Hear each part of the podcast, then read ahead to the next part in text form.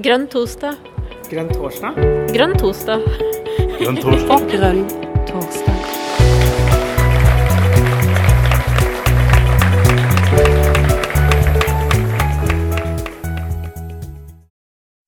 Velkommen til Grønn torsdag.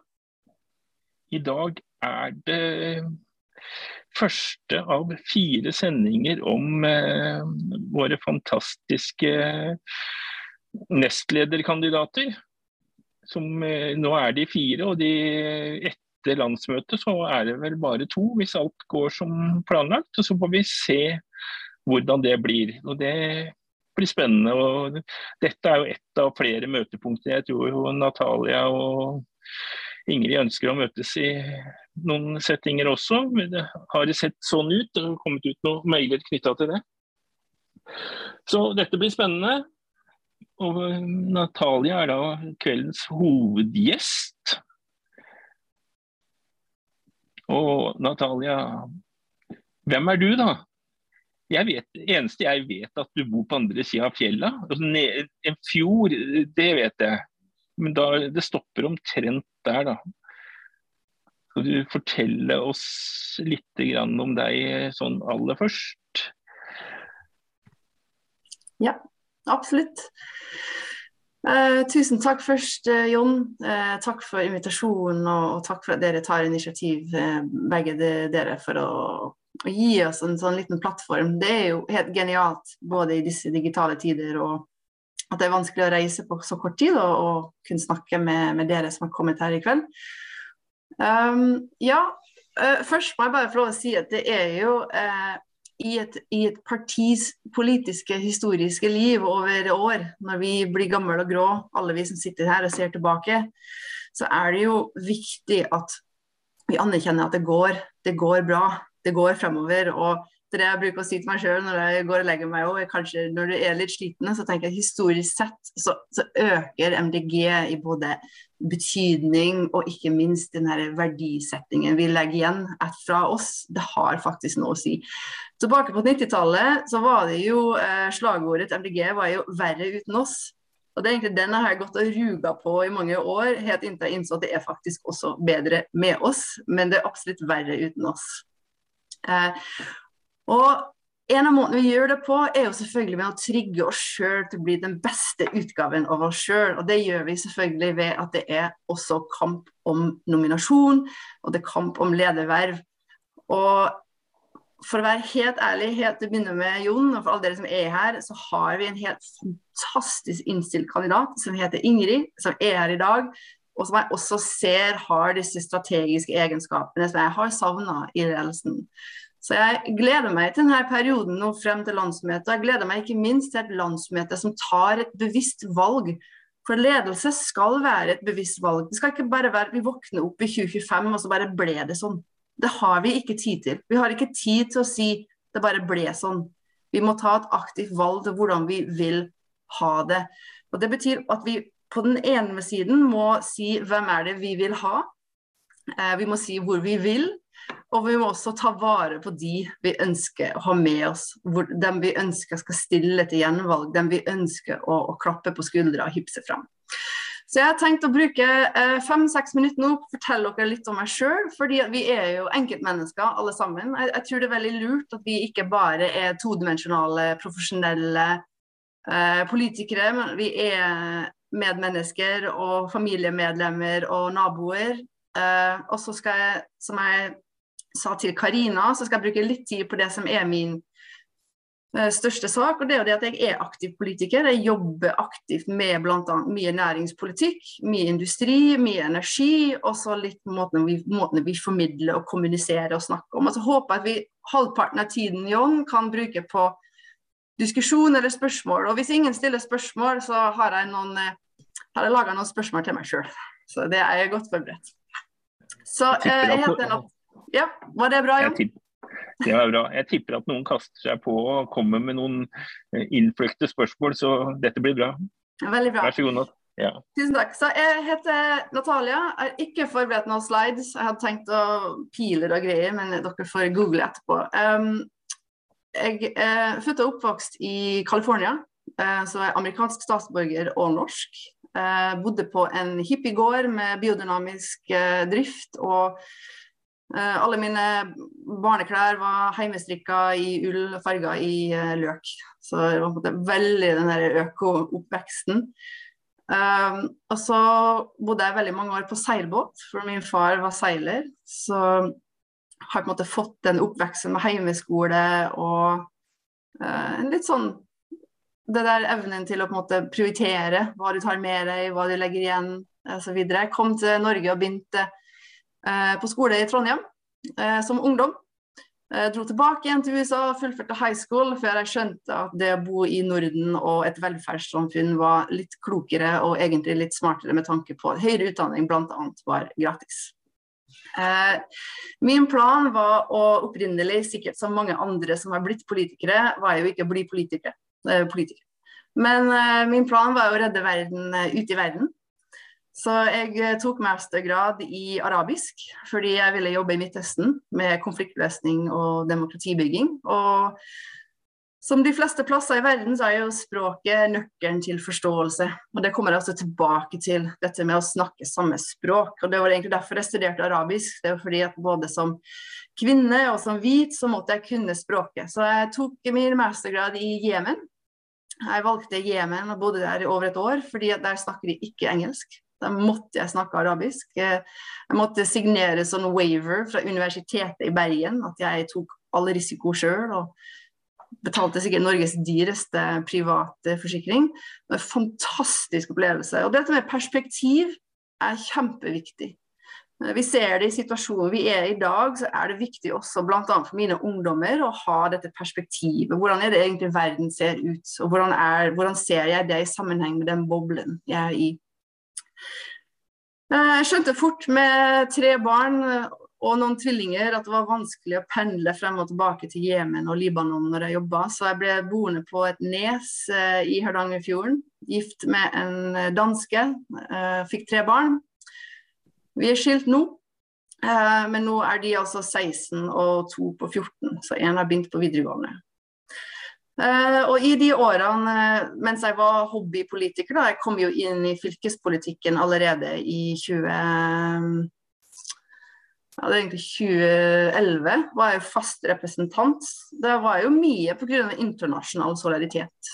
Jeg, jeg reiste mye i Midtøsten, jeg hadde taler for Palestina-saken. altså Det var liksom dette med internasjonal solidaritet, og ikke minst den herre at vi har et ansvar å agere. Vi som har ivaretatt alle våre viktigste behov, vi har et ansvar å eh, se litt forbi våre egne behov. Eh, jeg er en av de som meldte overgang til MDG som en aktiv eh, politiker midt i perioden. Eh, og det er nok MDG som er mitt hjerte nær. Jeg kommer aldri til å være med i noe annet parti. Og, og, og det er dette grønne prosjektet som jeg var da i, i Hordaland, både da som fylkesleder og var så heldig å få lov å sammenslå det til Vestland. og på en måte har vært med å bygge dette som et, et troverdig, mener jeg, og kompetent fylkeslag, og ikke minst styringsparti her lokalt. Før jeg gikk inn i politikken, så jobbet jeg fem år som næringssjef i en fantastisk liten kommune i Hardanger som het Ulvik. Heimstaden til Olav H. Hauge og epletrær og sider. Uh, som også ga meg den innblikket i hvordan det var å drive med gründervirksomhet. Jobba mye med statsforvalteren, med støtteordninger til landbruket, og ikke minst hvordan du bor og jobber i distriktet. Så jeg bor jo da i Hardanger ennå. Kronglete fylkesveier, ferjesamband, verftsindustrien, omstillingen for de store eh, aktørene som vi har langs hele Vestlandet her, har måte, vært de som jeg har jobba tett med. Eh, helt frem til jeg eh, tok sjansen og sa opp jobben min i januar 2019. Sa opp fast stilling i offentlig forvaltning for å satse på valgkamp. det gikk jo bra for oss i MDG Vestland. Vi kom jo inn med fem. og Eh, jeg er nå fulltidspolitiker frem til neste høst, før vi blir kasta på gangen. Og så får vi se om vi kan eh, eh, gjøre et godt valg igjen. det har vært en fantastisk reise for, for, oss i De Grønne i Vestland. og jeg føler at Mye av det har jo nettopp vært at man bygger over tid. At man bygger kompetanse over tid, at vi har støttet opp om våre kandidater over tid. Og noe av den jobben tror jeg vi har gjort på fylkesnivå. Og fylkesnivået er liksom min regionale jeg brenner for. Fordi jeg, jeg tror at vi i Norge har en litt sånn merkelig dårlig selvtillit på regionalt nivå. Eh, I resten av Europa, ta f.eks. Frankrike, eh, så har de dette regionale nivået med muskler. Det er de som kjenner verdikjeden, det er de som bygger opp. Jeg tror i Norge så heter det fylkeskommune, og da er man dømt til å mislykkes, fordi alle tror bare du er en overkommune og skal bestemme hva kommunene skal gjøre. Og det, det håper jeg vi i De Grønne kommer til å bruke tid på å massere inn at det er faktisk det regionale blikket som er den grønne, helhetlige tenkningen. Uh, på areal særlig, apropos dette med hyttebygging, strandsoneforvaltningen, men også småkraftverk osv. At det er regionale nivået som kan også se det positive. Hva er det vi vil ha, istedenfor bare hva vi ikke vil ha. Jeg er en uh, positiv person. Jeg er veldig optimist. Eh, jeg tror og vet at det alltid går bra. Eh, jeg tror nok at jeg har en evne til å se mulighetene i alle folk jeg jobber med, og også se hvilken type ledelse folk trenger. Noen trenger veldig nær, tett ledelse. Noen trenger å få mandat og ikke minst ansvar og tillit til å gjøre den jobben de trenger. Og jeg tenker i et stort fylke sånn som vi er, så har vi store avstander, og vi har også behov for at folk skal få uh, oppfølging tett. Det er en av de tingene jeg har elsket å høre deg si, Ingrid, at vi må være tettere på våre representanter, våre tillitsvalgte, våre folkevalgte.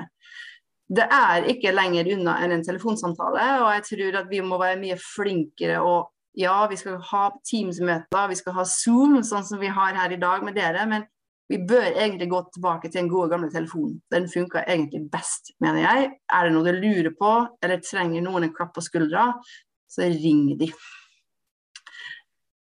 Uh, jeg har den, en utrolig sånn ydmykhet over det å få lov å være fulltidspolitiker. Jeg husker det første året, så det var å kleipe meg sjøl i armen. Liksom, nå må jeg snart gå tilbake til min vanlige jobb, tenkte jeg hver gang. Liksom, når du ikke fikk lov å jobbe med politikk på, på heltid på dagtid. Og det er jo noe med å anerkjenne at det de mesteparten av politikken foregår på kveldstid.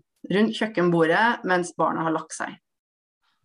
Eller mens samboeren eller partneren sitter og venter på at du skal komme og, og joine dem. Og Den der innsikten har jeg. Jeg har brukt mange år på å sjonglere og kanskje mislykkes mange ganger. Fordi at du leverer ikke topp på heimebane, du leverer ikke topp på jobb, og du leverer kanskje ikke topp på, i politikken. Og Den balansen kjenner jeg veldig godt. og Det er en utrolig befrielse å kunne få lov å jobbe nå fulltid. Um, så nå er jeg som sagt i ledelsen. I en, en, av, en, av, det jeg vil påstå, så er det sikkert noen som vil krangle med det, de mest fremoverlente regionene i Norge i dag, så har forankra langsiktighet i målene sine. Og Det er kanskje det jeg er mest stolt av vi har klart. Dette med nullutslipp 2030, som er gale Mathias, står jeg og Senterpartiet fylkesordføreren ved, og hele administrasjonen, altså byråkratiet, husk byråkratiet, deres beste venn, støtter opp om det. Og viser igjen i alle saksbehandlinger ok, nå skal vi holde dere til ordet deres. Hva er, mener du det? Ok, da må du faktisk eh, Eh, stå til ansvar for det i vedtakene. Så nå, når vi skal meisle ut denne langtidsstrategien i partiet, så er det jo nettopp det å kunne ha roen til å tenke langsiktig. Den erfaringen har jeg. Det med å bygge stein på stein. Du skal gå på den fjelltoppen. Om det er nullutslipp, eller om det er arealvern eller natur, så er det noe med at vi må huske på at vi i MDG har det ofte veldig travelt. Vi brenner lyset i begge ender, og vi har en enorm hastverk. Og vi må ikke miste helheten. Og Der kommer ledelse inn. Vi må ikke miste de langsiktige målene av sikte. For noen ganger er det faktisk bedre å få gjennomslag om fire år, hvis du jobber langsiktig for at det blir forankra. At den fortellingen blant folket er der, istedenfor å gå all in og tape i årene igjen. Det handler også om å bygge folk. Eh, husk at HR, altså det å bygge ressurser i en bedrift eller i en organisasjon, er jo et eget håndverk. Det, det er noe jeg tenker vi også som nasjonal organisasjon eh, bør ha fokus på. At vi må få folk til å stille igjen. Det, I Vestland har vi nettopp gjort en undersøkelse nå at det er opptil 60% kvinner som ikke kommer til å stille igjen i lokalvalg. Det er helt hårreisende skumle tall, folkens. Og vi har alle et ansvar for å bygge opp våre representanter nå, slik at de faktisk tar gjenvalg nå i, i november. Men den langtidsstrategien For meg handler det også om at vi, vi bygger troverdighet ved å, ha sympatisører, ved å ha venner, ved å ha allianser. Ikke nødvendigvis bare ha velgere. Fordi Det er det med å bygge over tid. Og at har du en lokal kandidat eh, som er troverdig over tid, i mange, mange år, når de plutselig blir stortingskandidat, så tenker folk dæven, han eller hun kjenner jeg til, fordi hun har virkelig gjort en innsats de siste åtte år lokalt. Jeg stoler på at vedkommende vil gjøre det også på Stortinget. Så det er noe med å ha den her HR-sansen hele veien. Uh, en av de to tingene jeg skal avslutte med, bare før vi kan uh, For jeg går litt på næringspolitikken, er jo dette med ydmykhet på, på ledelse, og at, at, omstilling er vanskelig. Husk at endringsledelse er også et eget fag, og Norge har dårlig erfaring med endring. Vi er veldig gode uh, når vi først satser. Uh, petroleumspolitikken viser det, velferdsmodellen uh, vår viser det. Men vi har jo manglende endringsledelseskompetanse på toppnivå. Både fordi det smerter, og fordi det er noe man må lære seg over tid. Omstilling er vanskelig. Og Det å planlegge langsiktig viser jo en hvor dårlig vi er på. Bare ta Nasjonal transportplan, som bare er tolv år. Du vil aldri se altså store store land ha tolvårsplaner på kjempestore samferdselsprosjekter. Det er altfor kort tid. Og to, man bruker de best, For det meste så bruker man jo fire år på helseheim. Slik at det blir lite kontinuitet når du endelig bestemmer deg. Noen ganger er det positivt. Noen ganger eh, så ønsker vi jo at det skal ta lang tid, særlig hvis det er motorvei. Men andre ganger så skulle man ønske at det ble den jernbanesatsingen ikke sant? og den langsiktige strategiske nivået på politisk arbeid. Det tenker jeg at vi i MDG bringer med oss, og det må vi tørre å snakke mer om på et nasjonalt nivå. Men det er også en ydmykhet. Og i disse eksperttyrannitider, der vi alle elsker eksperter eller hater de, avhengig av eh, hvor du er hen, så tenker jeg det er noe med at mye av det handler jo om tvil, og at eksperter hadde kanskje vært uh, flinkere hvis de på en måte la frem at det er ikke sikkert at dette er det rette, men vi tror det. Det er det vi anbefaler i dag. Det er litt sånn som den diskusjonen vi skal ha om kjernekraft, der det er så mye ryggmargsreflekser som slår inn. Mange har ryggmargsreflekser som slår inn på luftfart. Altså, vi er nødt til å lære oss å jobbe med disse ryggmargsrefleksene. og det, det, føler jeg er ganske god på. Jeg har ikke noe prestisje på noe av de her. Og jeg tror at vi vil være klok og være nysgjerrig eh, på å utfordre oss sjøl på disse refleksene. Ja. Jeg skal gå over til næringspolitikk. Kan jeg um, spørre om noe, ja. Natalia? Eh, ja. Du sa det med endringsledelse. Eh, mm. Vis, har ikke den koronahåndteringa vist at man i hvert fall greier å slå mm, altså, Man greier i hvert fall å endre veldig mye veldig fort. Og Det er vel endringsledelse. og Så kan du jo selvsagt diskutere hvor god den har vært, men det har i hvert fall eh, det har ikke vært eh, manglende vilje til å gjøre noe, i hvert fall. Jeg, jeg tror mye av den endringsviljen under korona har også vært fordi vi har hatt um, tillit til uh, våre statlige instanser. At de vil oss vel. Uh, vi har jo tillit til våre politikere, at de vil oss vel. Jeg har til og med tillit for det meste til uh, Frp òg, at de vil Norge vel. Så kan vi være uenige om veien dit, eller mm. grunnleggende ting, men at vi vil oss vel, det tror jeg nok. Um, men det, det, det, går jo en grense der for nordmenn òg. Alle liker å si at tillit er det viktigste verdien vi har i Norge. Jeg tror egentlig det handler om frihet. For at vi har tillit til at uh, statsministeren vil oss vel, men hvis vi ikke får lov å dra på hytta i påska, da blir det dårlig stemning. Så det er noe med at Vi må ha tillit Men vi, vi skal, altså, I Norge hadde vi aldri kommet i en situasjon slik de er i Shanghai i dag, som er helt sinnssyke tilstander med tredje uke på fullstendig lockdown. Det tror jeg faktisk ikke nordmenn hadde godtatt. Så det er noe med den balansen. Men jeg er helt enig med deg, Jon, at uh, det viser jo at endring er mulig. Uh, men i, i, Norge så var det nok ikke en så ekstrem situasjon som vi ser i andre land. Mm. Ok, takk. Da kan du fortsette næringslivet. ja. Så um, i min erfaring og dialog med næringslivet, så er det jo den klassiske klisjeen at det er næringslivet som går foran. Det er de som sier, altså til og med cruisenæringen sier for guds skyld bare bli enige med hva kravet er, slik at vi kan begynne å omstille oss. Bare bli enige dere imellom. OK, dere skal ha nullutslipps 2026 i verdensarvfjordene. Kan de være sånn å bli enige om det? For da kan vi begynne å lage løsninger på hvordan vi skal stoppe båten lenger ut. OK, det skal bli nullutslipp i alle fjordene i Norge, bare bli enige om det. Det sa de så sent som for en måneds tid siden med en representant fra Brussel. Så vi er nødt til å begynne å være modige nok til å lage ikke bærekraftsstrategier, men bærekraftige strategier hvor vi vil næringslivet skal gå hen. Og så skal de nok gjøre jobben sjøl, tro meg. Uh, en av mine kjepphester som jeg tror er helt avgjørende for oss i De Grønne, er at vi snakker med næringslivet og ikke til. Det, det, kan også være litt sånn flåsete, men gang på gang på gang så virker det sånn. Det er ikke slik det er sånn, men det virker som om vi står der og forteller næringslivet hva de skal gjøre, eller hva de ikke skal gjøre, helst. Mest negativt. Istedenfor å si Hallo, la oss sette oss ned og finne ut hvordan vi skal gjøre det steg for steg, og finne ut av det. Krav er én måte å finne ut av det. En annen ting er insentiv og reguleringer osv. Jeg har egentlig hatt veldig store forhåpninger av vår nye næringsminister skulle forstå det. Han snakker veldig veldig bra. Så får vi se om han har partiet bak seg til å da innføre disse kravene, han eh, næringsministeren vår Vestre. Vi i Vestland også opplever at vi har en, en, et næringsliv som nå mer og mer skjønner at hele strategien må være bærekraftig.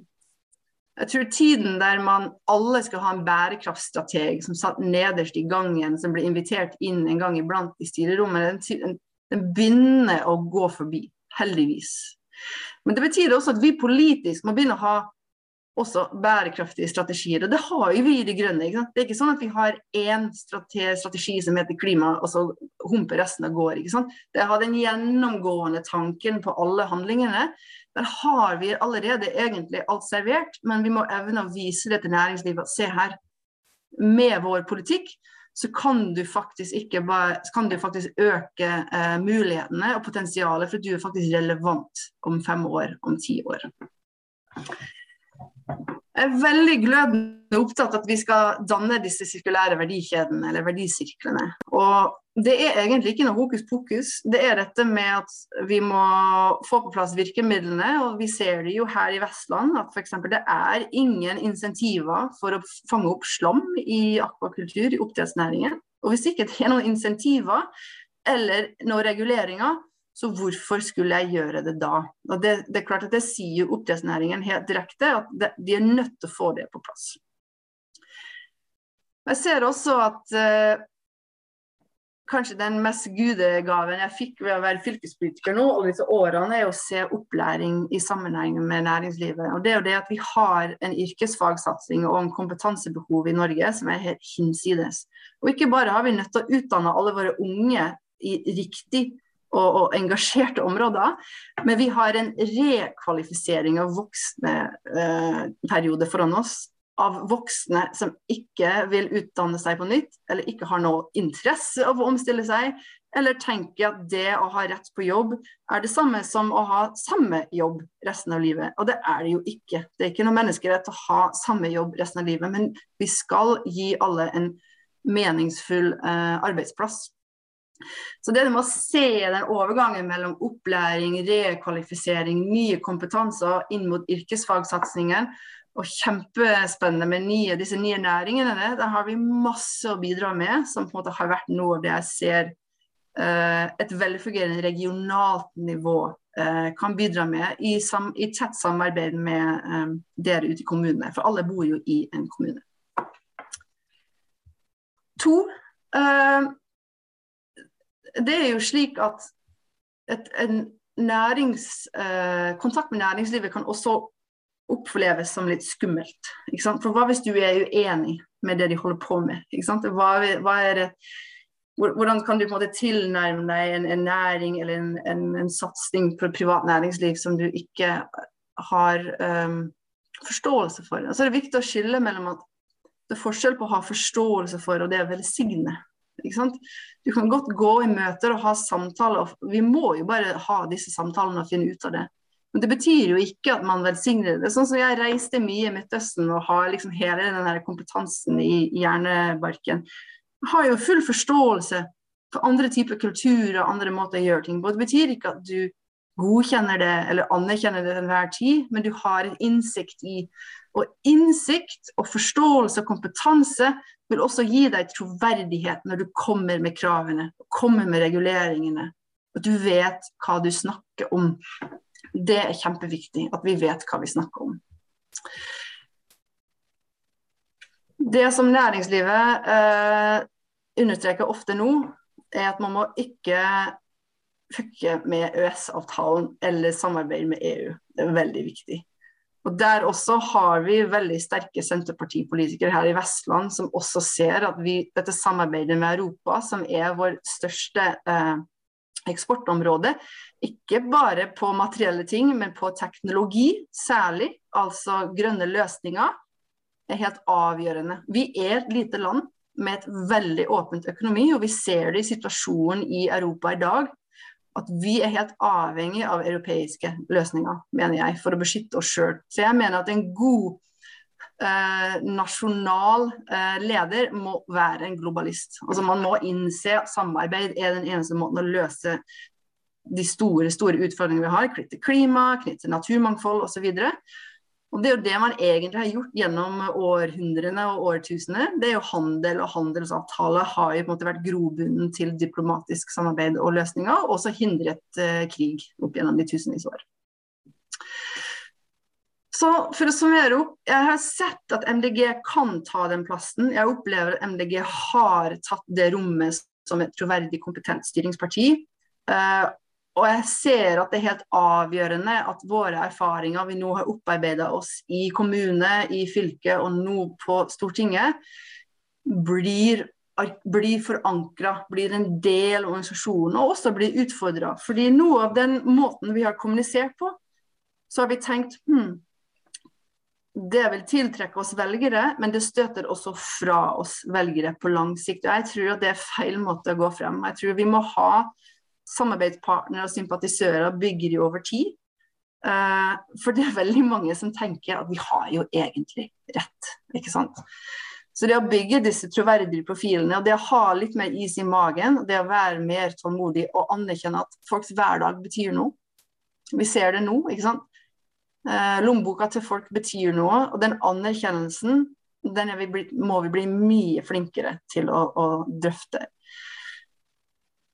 Jeg eh, er nok ikke en klassisk populistpolitiker. Jeg hater eh, korte overskrifter. Jeg vet at eh, verden er mye mer komplekst og nyansert enn som så. Og det er jo kanskje noe av det som gjør meg, noen ganger mener jeg, til en dårlig politiker. For jeg liker, jeg liker dårlig innsalg på, på, korte setninger. Det har jeg vært helt ærlig på også med lokal medie. At noe av det jeg hater mest, er at jeg sender fantastiske saker til media så sier de ja, men vi finner ingen konfliktlinje. Og der har vi et problem folkens i Norge i dag. At de gang på gang på gang, kanskje jeg har tolv e-poster det siste året, der vi finner ingen konfliktlinje eller hvem du er i konflikt med, og derfor så blir det ikke noe sak. Og Dette har vært mange klokere mennesker enn meg som har snakka om og, og drøfta, særlig i Norden i det siste. og Jeg håper vi kan være med å ta den debatten. Eller så mister vi helheten og hvor vi skal hen. Så det var en kort uh, intro Jon, til meg, og det er masse spennende å prate om. Uh, uansett så fortsetter jo uh, den her grønne snøballen å rulle. Tusen takk. Om det var kort, det kan vi jo diskutere, men det var interessant. Så jeg håper at noen kan kaste seg på med 'raise hand' for å komme med kommentarer eller um, spørsmål. Og finner du ikke 'raise hand', jeg vet ikke hvordan det er, så går det an å skrive i chatten. Og jeg får uh, se om det er noen som tør, tør å kaste seg på. Det kan at de var så utfyllende det du kom med at folk ikke har noen flere spørsmål. Men jeg lurer litt, da. Eh, du er innom organisasjon eller det. Eh, noen av oss eh, som da sitter som alenepolitikere et eller annet sted og blir ringt opp ca. hvert fjerde år fra nasjonalt. Det er litt overdrevet, men i hvert fall ikke så veldig ofte. Jeg ble jo valgt inn i 2015 og sitter fremdeles alene i Røten kommunestyret og i Innlandet så er det vel seks eller sju Nei, jeg husker ikke. Jeg, hvert fall, de fleste av de som er i Innlandet, sitter i hvert fall alene. Og eh, jeg vet jo at noen av de teller på knappene om de vil fortsette. For det er en veldig ensom posisjon, og så er det jo så viktig, da. Altså, det er jo vi, vi som er den altså, knytta til Du var innom arealbruk. Det er jo vi som er den tydelige stemmen her. Altså, eh, noen kaster jo fram at, det er, at SV er litt ivrig her, men de brenner ikke for arealene våre på den måten de gjør. De har, de har en helt annen vinkling, eh, sånn som jeg ser det i hvert fall. Så de alle de i de kommunene vi da nå har enkeltfolk som vurderer om de skal orke å ta en runde til. Hvordan skal vi greie å sikre at, vi håndter, at det, mange av de fortsetter. Du, du kom med et tall på 60% her, som da, jeg vet ikke om de sa nei eller eh, dreiv og vurderte sterkt. Var det fra hele Vestlandet, eller? Det var Vestland, ja. Mm. Mm. Det, ja. Det, det, er jo klart at man må jo ha tydelig ledelse. Eh, det har vi ikke hatt eh, i De grønne. Eh, det har vært utfordrende som lokalpolitiker å kjenne at man er det et nasjonalt løft. og det er ikke alle som trenger det, det er litt viktig å si. Mange koker og går og, og har sin egen driv kjernekraft eh, i kommunen. og bare men noen trenger tidlig ledelse, og de fleste organisasjoner har jo også behov for tidlig ledelse. Og tidlig ledelse betyr jo ikke at man er synlig i media. Tidlig ledelse betyr at man er synlig i organisasjon, altså i bedriften, på gulvet, walking around. Og Det er vanskelig å walk around i alle fylker, men det finnes digitale møte, måter å walk around og, og, og vise og, og, plukke opp telefonen. Og Jeg tror at vi har kommet i en tid der vi må Jeg husker for, eh, for seks år siden så var jo fokuset på rekruttering, rekruttering, rekruttering. ikke sant? Og Da har vi jo brent oss noen ganger på vi har noen nominasjoner som gikk litt skeis. Fordi Det viktigste var å få folk på liste. Jeg mener vi bør gjøre om på det. Nå må vi beholde de vi har. Det er det viktigste. Støtte de vi har, bygge de opp over tid og passe på at de stiller til gjenvalg. Eh, det er både for å bygge politikken og, og på en måte beholde kompetansen i organisasjonen. ikke sant? Vi ikke kaster ut med badevannet hele tiden. Men to, da bygger du også trygge politikere. Og vi har jo kanskje hatt en tendens til å tenke at har du vært i partiet i fire år, så så det betyr å bytte deg ut. Og nå setter jeg meg veldig på spissen her, men vi er nødt til å slutte med det. Og vi ser jo at man er nødt til å bygge over tid. Og det å bli bygget over tid betyr at du, noen trenger klapp på skuldra. Toppledere trenger også klapp på skuldra. Eh, vi bør innføre mentorordninger. Jeg har to mentorer eh, som jeg har spurt om de kan være mentor for meg. Helt avhengig av å ha en mentor. For å få ikke bare råd om faglige ting, men for å bli bygget som, som menneske. Er du én person i et kommunestyre, så er du gruppeleder. Er du leder for partiet ditt i den kommunestyret. Og Det er en kjempeansvar, og det kan være kjempeskummelt. og da tenker jeg at det å bygge fylkeslagene og fylkesstyret kan være en veldig god måte, men alle trenger rett og slett å få eh, en telefon eller en, en, være med i et digitalt møte, eller på en eller annen måte ha kontakt med ledelsen. Uh, det, det, får hjertet til å banke hardere, og det får også min vilje til å være med til å øke i omfang. Så det å bygge organisasjon er uh, det vi er nødt til å ha fokus på, og det krever ledelse. Og, og hvis vi trenger da mer utdanning eller erfaring enn ledelsen, så bør vi skaffe våre ledere det, mener jeg. Mm. Nei, jeg, jeg, kjenner meg jo igjen. Jeg er jo fylkesleder også, da. Så det er jo ensom politiker og, og fylkesleder. Så det er jo litt sånn eh, snodig, men eh, så, Fritid finnes jo ikke, da. Men eh, det der med å Noen som må ha kontakt med de folkevalgte, det er det har jeg skjønt mer og mer. Vi har ikke greid å få det til ordentlig, men det, er, det, det, trengs i hele organisasjonen, tenker jeg. da. Men det ser ikke ut som eh, verken Arne eller Tommy eller noen andre har tenkt å kaste seg på i kommentarene her, så uh, da må vi bare vi holde ut, da. Ja. jeg, ja, jeg kan uh, Jeg forberedte en liten sak, da. Um, mm. Jeg, jeg, brenner jo veldig sterkt for Eh, for havet. Og havet som sådan har jo på en måte blitt brukt at uh, har vi representanter som har troverdighet til fiskeri, altså bruken av havet, forvaltning av havet og ikke minst vern av havet. Jeg tror jeg har en god avbalansert måte, forhold til det. fordi det er noe med at havet er et skattkammer. Og vi er nødt til å anerkjenne at den gale Mathias forslag om å femdoble eh, oppdrett var jo egentlig ikke det som var ment. Poenget her var at vi er nødt til å øke matproduksjonen knytt til hav. Og det handler jo også om tang og tare og alt det vi ikke har funnet på ennå. Samtidig som at vi i MDG mener jeg har det beste politikken internasjonalt. Nettopp å sikre våre kystområder og, og dyreliv, og hvilke grep vi må ta for å skape eh, akvanauter, som vi kaller det her i Vestland. Eh, barn og unge og voksne som elsker havet og tar vare på det. Jeg tenker at eh, Plastproblematikken er jo egentlig bare en liten del av utfordringene våre hav står overfor. Men plastproblematikken er en genial måte å skape bevissthet om havet. og Derfor har jeg vært så engasjert i strandrydding og plast. Fordi at det er noe av det mest visuelle vi har omkring utfordringer knyttet til hav. Og særlig for næringslivet og barn og unge. Det er mye mer abstrakt å snakke om temperaturøkning, om forsurning osv. Og, så og det med plast er jo Havforskningsinstituttet er veldig tydelig på at det er faktisk noe av det minste problemet, men det er det mest visuelle. og Derfor jeg tenker det er veldig viktig at vi øker fokuset. og Derfor så fikk vi jo vi i MDG vedtatt en plaststrategi der vi fikk Senterpartiet med på at vi skulle hoppe over det nasjonale ledd og gå rett på EU. For det er egentlig EU som bestemmer hvilken type plast vi produserer. Så dette med hav eh, står mitt hjerte nær, om det er fordi jeg vokste opp på seilbåt, eller fordi vi bor ved havet her. og det kan være mange grunner til det, men, men, det er noe med dette, det maritime og det marine eh, som jeg kommer fra. Eh, og så er jo tross alt også Bergen eh, havbyen, bare sier det. Mm.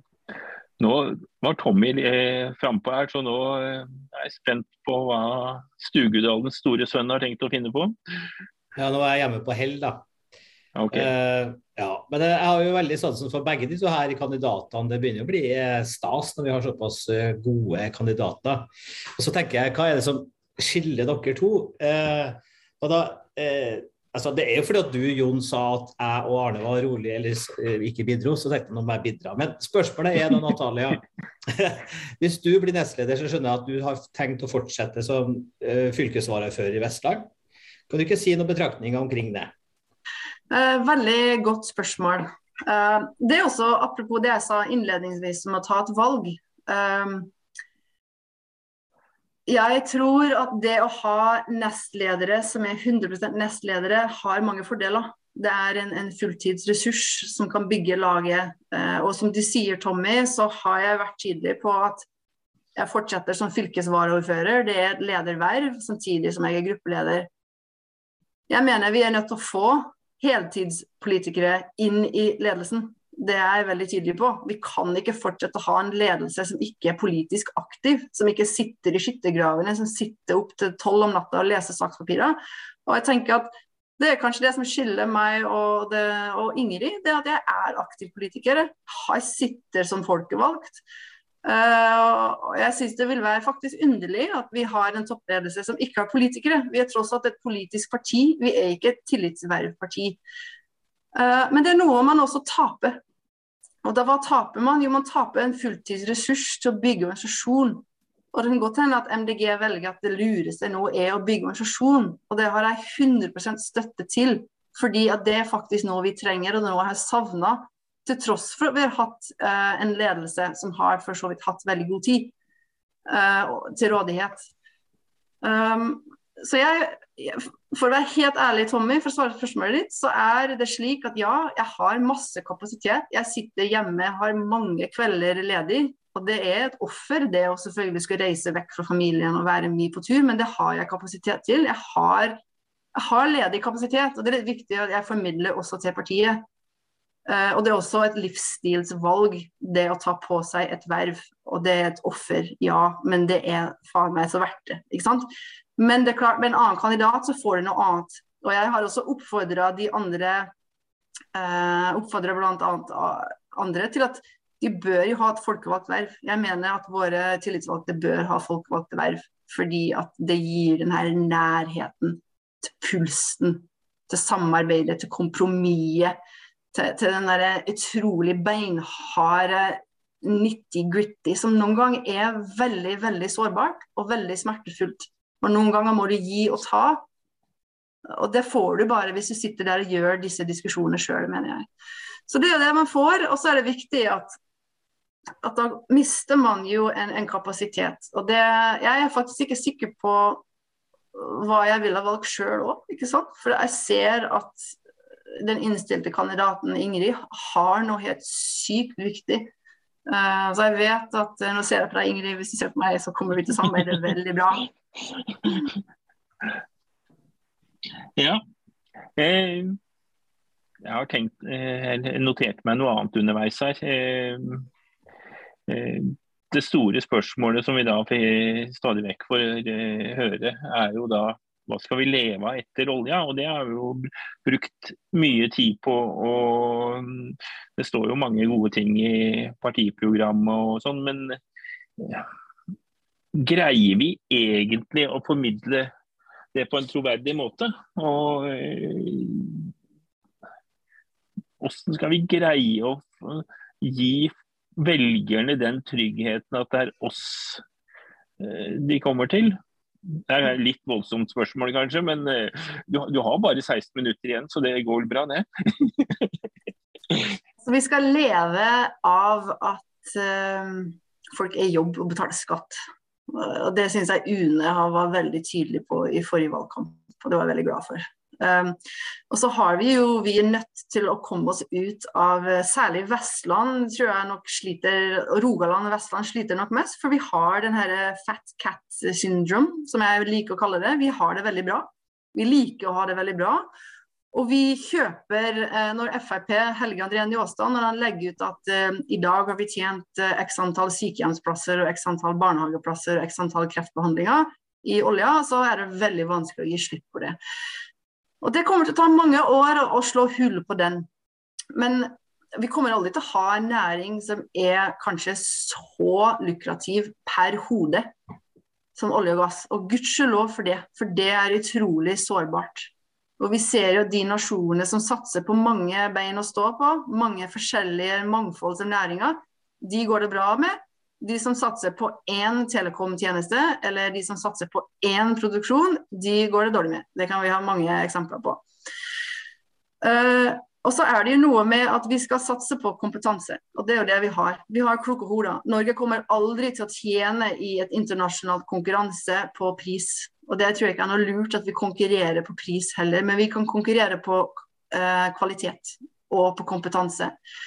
Og Det er jo det som er på en måte denne catch 22 her. ikke sant? At når vi ga denne oljeskattepakken, og jeg gikk ut så hardt i 2020 og ble liksom idioterklært av alle i Vestland på oljeskattepakka i 2020, så viste det seg at jeg hadde helt rett. For det som skjedde var at Verftene ble fylt opp, og de kloke folk kom seg ikke ut av verftene. Disse, det, det var ikke noe ledig kapasitet til å satse på andre ting, for de var opptatt med å tjene penger. Og Det forstår jeg veldig godt. Fordi folka på Stord de skal også, sånn som meg, om to uker, de skal betale for konfirmasjon. Og de skal betale husgjelda, og de skal passe på bestemor. Altså det er noe med at det må, det må skje gradvis over tid. Og da er det viktigst for meg nå er jo på en måte å, å finne og løsrive disse kloke hodene fra en næring vi skal prøve å komme oss ut av, og inn i en annen næring. Så hva vi skal leve av, er at vi forvalter det klokt. ikke sant? Det som er kunnskap og kunnskapssatsing blir kjempeviktig. Um, desto viktigere at vi kommer oss inn i regjering og får en kunnskapsminister også fra MDG. Som skjønner på en måte hvor vi må sette inn støtet uh, for at vi faktisk skal være med internasjonalt og konkurrere. For pris uh, det kommer Norge aldri til å, å kunne slå andre land på. Så målet er å komme i regjering og bli kunnskapsminister? ja, altså for, for, MDG, ikke nødvendigvis for deg, da. Men uh, det er det anser du nesten som det viktigste. og var, Det er jo litt interessant. Ja, det er jo like eh, Senterpartiet, det var vel høyskole, det. Eh, ja. Universitet. Nei, altså, hvilken ministerpost er viktigst, det er jo vanskelig å si. Men jeg ble jo så glad. for Jeg har jo messet om det her at uh, vi liker å tenke i silo uh, i Norge. Vi liker å tenke klima, og så næring, og så samferdsel så ser jeg nå heldigvis tendensen at når vi skal banke på, banke på døra og mase om disse hurtigbåtene, så har endelig regjeringen skjønt at det handler ikke bare om kollektiv, men det handler om at vi skal kutte utslippene knytt til disse forferdelige hurtigbåtene. Og ikke minst at kanskje det også gir arbeidsplasser og verftsindustri og eksportmuligheter knytt til f.eks. våre nullutslippsferjer. Så vi, vi, holder på å bygge ned disse siloene. og det er klart Den grønne ideologien og grønne tankegangen, vi ser det jo. Uh, men det å bygge ned byråkratiet til at de også får mulighet til å snakke med hverandre på tvers, det har vi jobba veldig tett med her i Vestland. og Vi har til og med organisert det at det skal være lavere terskel for de forskjellige byråkratene å snakke med hverandre på tvers. og Der tror jeg departementet har en jobb å gjøre. og Der skulle jeg også ønske at vi hadde en regjering som bidro til å bygge ned, at ikke man ble sendt um, til e- ett departement når det egentlig omhandler tre eller fire. Jeg bor jo på bygda, det gjør du også. Her er det ganske mange hytter, og i noen eh, kommuner rundt her så er det enda flere hytter. Og vi får jo høre det at det er det vi kan leve av her. Det er da bygge hytter og eh, da, de tjenestene som da er knytta til det at de hyttene står der. Og det er jo er, Hvordan kan vi hvordan kan vi få stoppa dette? Det er, det er, jo for enkelt. Mm. Nei, det det er jo selvfølgelig et uh jeg tror det er en håndfull av løsninger som må til. Eh, så er viktig å huske på at De fleste i Norge har jo ikke hytte. Ikke så det er jo en, en, en segment av befolkningen.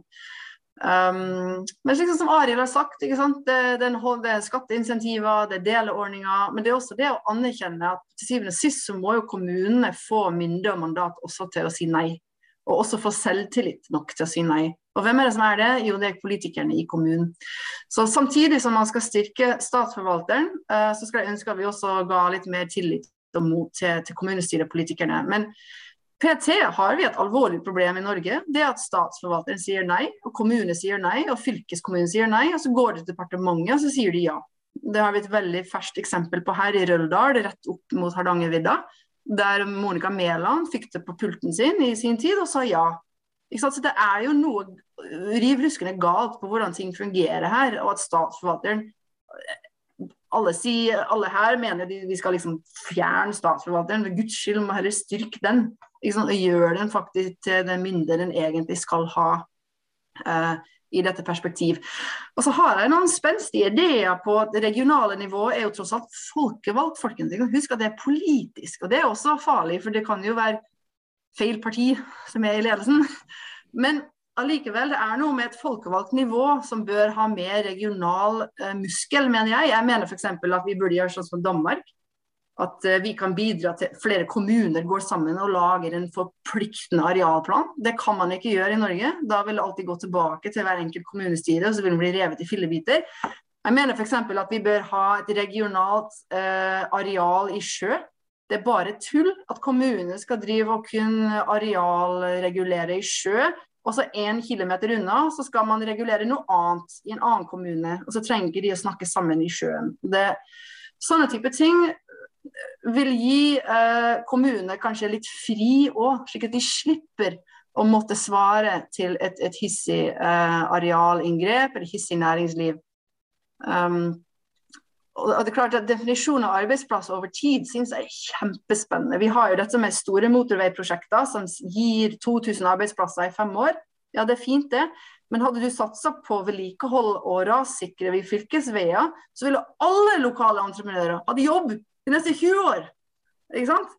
Og Da hadde du også skapt distriktsutvikling, arbeidsplasser lokalt og, og, og ikke minst eh, stabilitet da, i oppdrag over tid. Så det er noe med å ta av seg denne enkeltskilappene på det som er bra for oss i år, og se hva er det bra om, om 20 år. Spennende det med regionalt samarbeid og, og sånn her. Eh, du mente at fylkeskommunen Jeg har sett at nå er Arne også på, han skal få sjansen. Eh, men fylkeskommunen eh, var du innom. Ja, det var feil navn, sa du. Har, har, du da et bedre navn på fylkeskommunen? altså Jeg elsker regionen, da. Så kan jo selvfølgelig ja. regionen være liten og stor. Noen ganger så er det Nordfjordregionen osv. Men mm.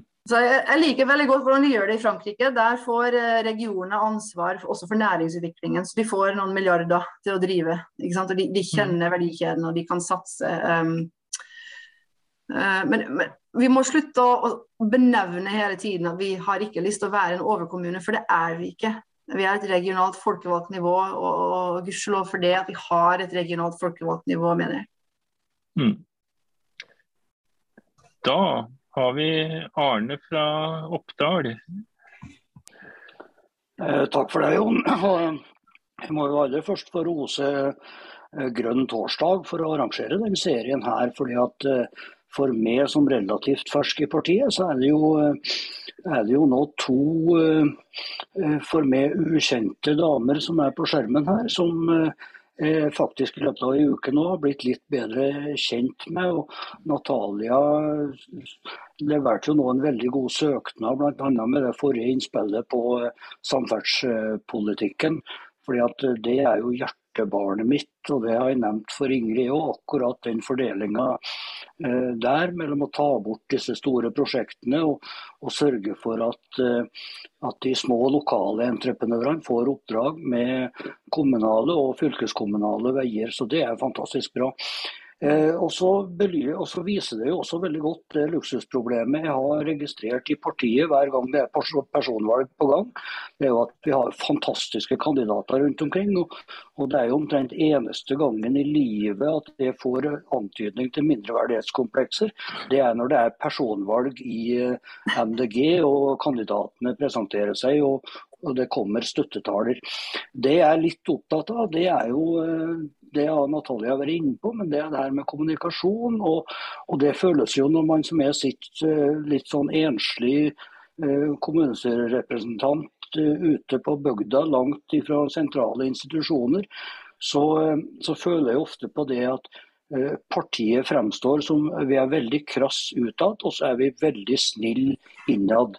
Vi roser hverandre. Det er veldig lite det skal godt gjøres at du får eh, stryk for et eller annet du har uttalt.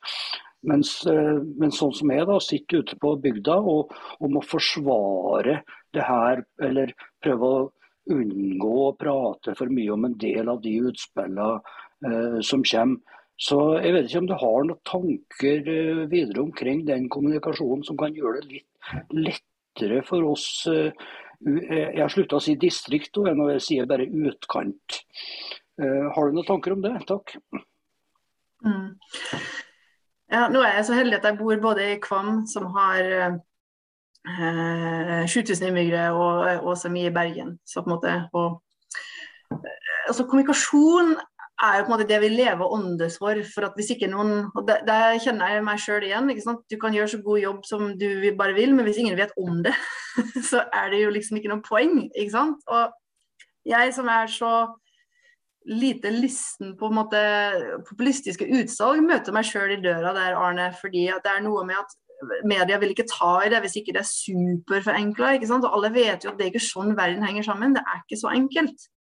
Eh, men jeg tror vi har mye å tjene på å være mindre populistisk, mindre radikal og mindre av frastøtende. Fordi vi må huske på at hver gang vi aktivt går ut med capslock for å tiltrekke oss én gruppe, så kanskje vi støter fra oss tre ganger så mange over tid. Og Det viste jo seg i disse undersøkelsene etter stortingsvalgkampen at det var mange som vurderte MDG. Særlig mange i næringslivet som hadde tenkt at nå, nå skal jeg cast my vote, nå skal jeg gjøre mitt med liksom, balloten min.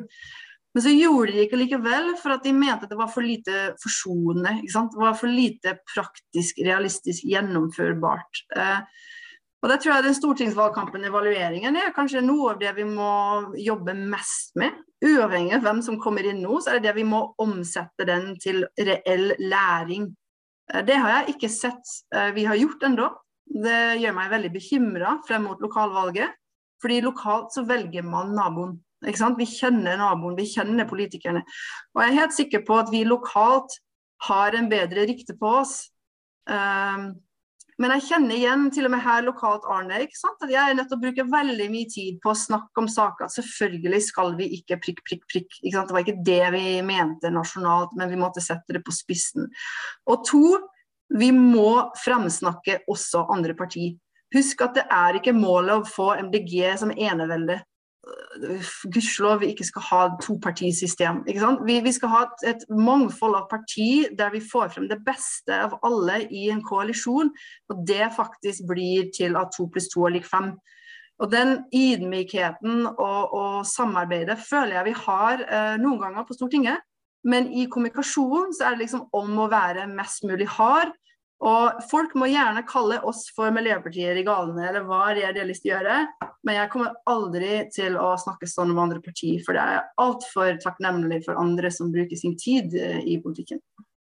Takk. Er det noen andre som har lyst til å kaste seg frampå, så går det mot uh, slutten. Jeg vet ikke om det er ingen som prøver seg. Skal, har du forberedt en liten avrunding? Ja.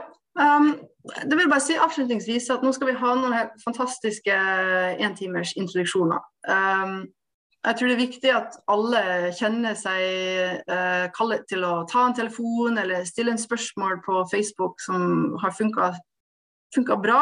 Um, og så til syvende og sist så må vi bare også anerkjenne at, at det er jo et, et slags veivalg vi tar nå.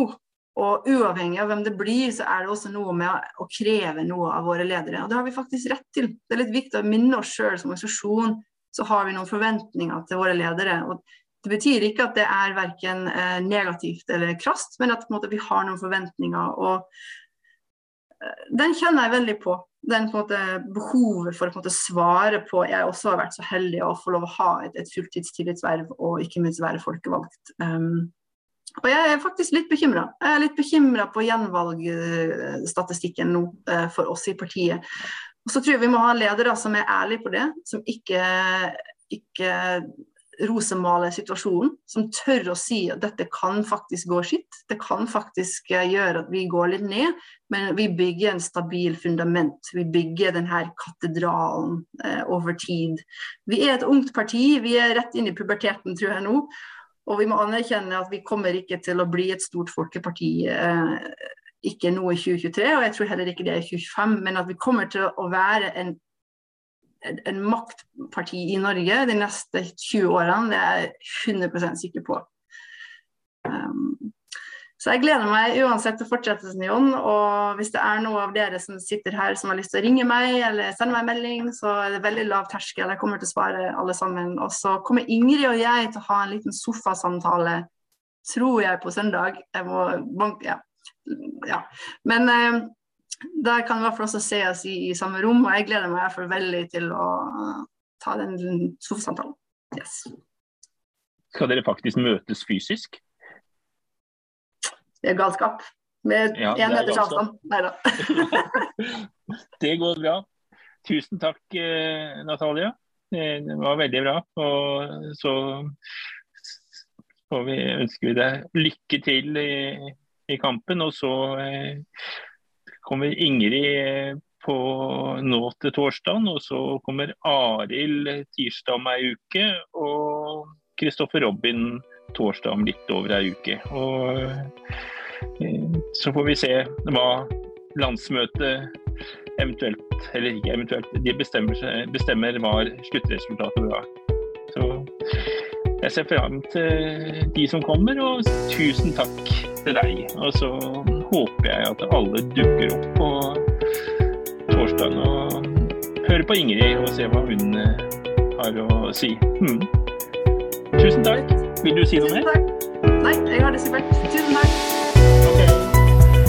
Ok. Ha det bra. God kveld.